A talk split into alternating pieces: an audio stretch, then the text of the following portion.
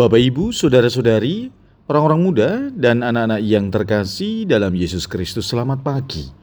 Salam bahagia dan salam seroja untuk kita semua berkah dalam.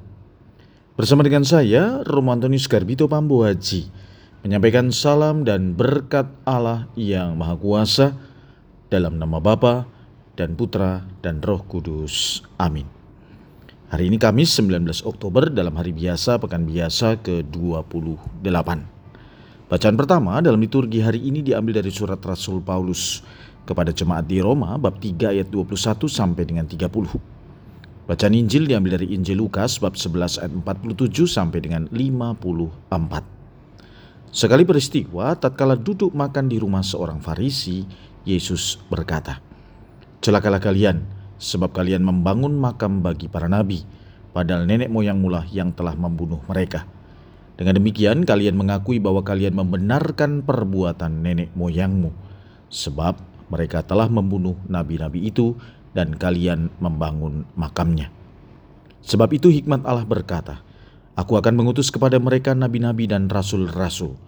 Tetapi separuh dari antara para nabi dan para rasul itu akan mereka bunuh dan mereka aniaya maka dari angkatan ini akan dituntut darah semua nabi yang telah tertumpah sejak dunia dijadikan, mulai dari darah Habel sampai kepada darah Zakaria yang telah dibunuh di antara mesbah dan rumah Allah. Bahkan aku berkata kepadamu, semuanya itu akan dituntut dari angkatan ini. Celakalah kalian, hai ahli-ahli Taurat, sebab kalian telah mengambil kunci pengetahuan. Kalian sendiri tidak masuk ke dalamnya, tetapi orang yang berusaha masuk kalian halang-halangi. Dan setelah Yesus berangkat dari tempat itu, para ahli Taurat dan orang Farisi terus-menerus mengintai dan membanjirinya dengan rupa-rupa soal. Dengan itu mereka berusaha memancingnya supaya mereka dapat menangkapnya berdasarkan sesuatu yang diucapkannya. Demikianlah sabda Tuhan, terpujilah Kristus. Saudara-saudari, Sabda Tuhan hari ini sangat keras, sebab menampilkan kecaman Yesus terhadap orang-orang Farisi dan ahli-ahli Taurat. Kecaman ini dilontarkan Yesus bersamaan dengan kecamannya terhadap orang Farisi. Pada Injil Lukas bab 39 ayat 44. Semua itu disampaikannya ketika menghadiri suatu perjamuan makan di rumah seorang Farisi yang mengundangnya. Mendengar kecaman Yesus terhadap orang Farisi, antara lain bahwa mereka ini suka menampilkan diri dan gila hormat. Sedangkan para ahli Taurat merasa bahwa kecaman itu ditujukan juga kepada mereka.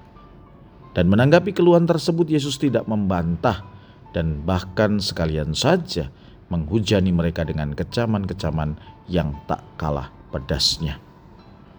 Saudara-saudari, Belajar dari sikap Yesus, apakah sejauh ini kita berani mengatakan yang benar, meski akibatnya disingkirkan orang?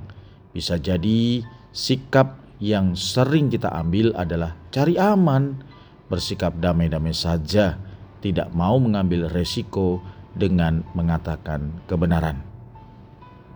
Marilah saudara-saudari, pada pesan sabda Tuhan ini kita belajar untuk melaksanakannya karena dengan demikian kita telah menjalankan misi.